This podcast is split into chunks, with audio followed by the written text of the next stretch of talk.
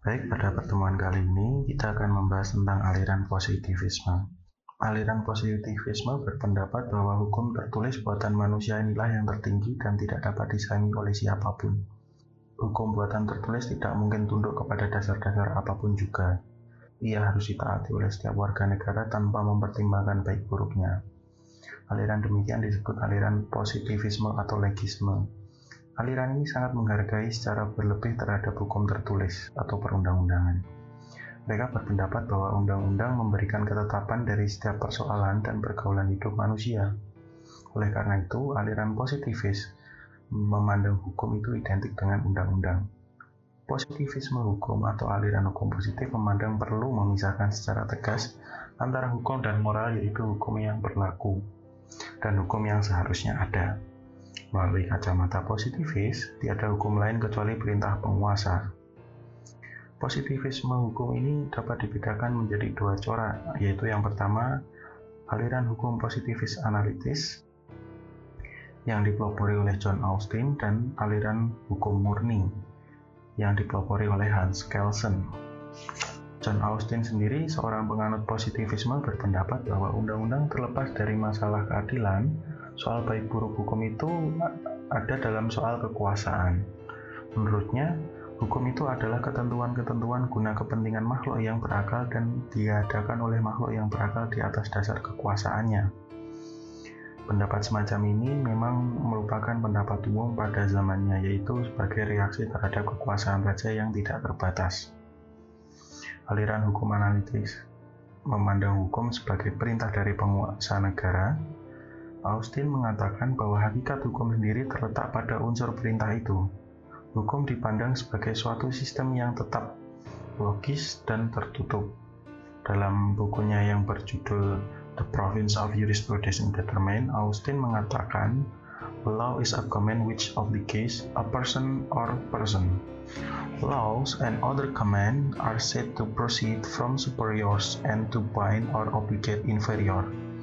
Lebih lanjut, Hukum positivis ini menurut Austin adalah suatu perintah langsung atau tidak langsung dari seorang raja atau badan berdaulat dalam berkedudukan sebagai superior secara politis. Definisi ini biasanya disingkat sebagai hukum positivis, yakni perintah yang berasal dari yang berdaulat. Oleh karena itu, teori ini yang dicetuskan oleh Austin dinamakan sebagai teori perintah. Kemudian John Austin sendiri dengan analytical legal positivism-nya menjadi penganut utama aliran positivis yuridis. Austin bertolak dari kenyataan bahwa terdapat suatu kekuasaan yang memberikan perintah-perintah dan ada orang yang pada umumnya menaati perintah tersebut. Tidak penting mengapa orang menaati perintah-perintah itu, apakah mereka menaati karena takut, atau mereka menaati karena rasa hormat, atau karena mereka merasa dipaksa, itu sama saja. Yang penting faktanya adalah ada orang yang menaati aturan itu. Jika tidak, dijatuhkan sanksi. Maka untuk dapat disebut hukum, menurut Austin diperlukan adanya unsur-unsur berikut. Yaitu yang pertama adanya seorang penguasa, adanya suatu perintah, adanya kewajiban untuk menaati, dan ada sanksi bagi mereka yang tidak taat. Sedangkan aliran hukum murni, menurut Hans, Hans Kelsen, memandang bahwa hukum harus dibersihkan dari anasir-anasir non-yuridis, seperti unsur sosiologis, politis, historis, bahkan etis. Baginya, hukum adalah suatu keharusan yang mengatur tingkah laku manusia sebagai bentuk rasional. Jadi hukum adalah suatu solid kategori atau sebuah keharusan, bukan sense kategori atau kategori faktual. faktual. Dalam hal ini yang dipersoalkan oleh hukum bukanlah bagaimana kemudian hukum itu seharusnya, tapi apa hukumnya. Dengan demikian, walaupun hukum itu solens kategori yang dipakai dalam hukum positif, bukan yang dicita-citakan, hukum berurusan dengan bentuk, bukan isi. Jadi keadilan sebagai isi hukum berada di luar hukum. Suatu hukum dengan demikian saja tidak Suatu hukum dengan demikian dapat saja tidak adil tetapi ia tetapi ia tetaplah hukum karena dikeluarkan oleh penguasa. Kemudian aliran berikutnya yaitu ada utilitarianisme. Utilitarianisme ini atau utilisme merupakan aliran yang mendasarkan kemanfaatan sebagai tujuan utama hukum. Kemanfaatan dalam pandangan kaum utilitarianisme diartikan sebagai kebahagiaan. Oleh karena itu, baik, buruk atau adil tidaknya suatu hukum bergantung kepada apakah hukum itu memberikan kebahagiaan kepada manusia atau tidak. Dengan kata lain, hukum harus berbasis manfaat bagi kebahagiaan manusia. Kebahagiaan ini selayaknya dapat dirasakan oleh individu, tapi jika tidak mungkin tercapai dan pasti tidak mungkin diupayakan agar kebahagiaan itu dinikmati oleh sebanyak mungkin individu dalam masyarakat bangsa tersebut.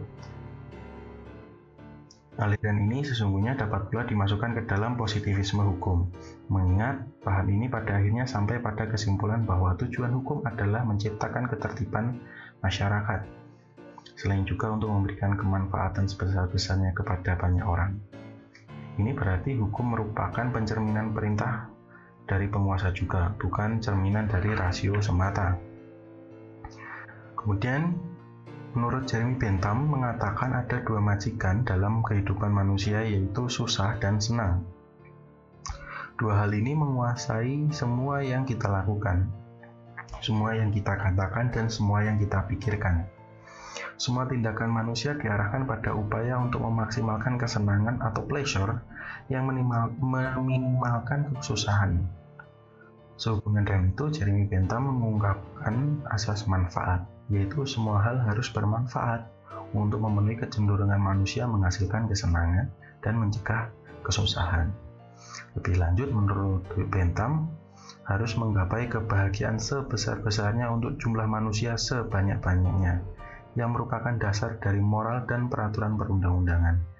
Upaya untuk mewujudkan kebahagiaan itu harus ada simpati dari tiap-tiap manusia yang bertujuan untuk menyeimbangkan ke antar kepentingan. Apabila setiap individu telah memperoleh kebahagiaannya, maka dengan sendirinya kebahagiaan masyarakat akan dapat diwujudkan secara stimulan yang terkenal dengan ungkapannya seperti the greatest good for the greatest number dan Rudolf von Jering dengan tesisnya tentang balancing of interest.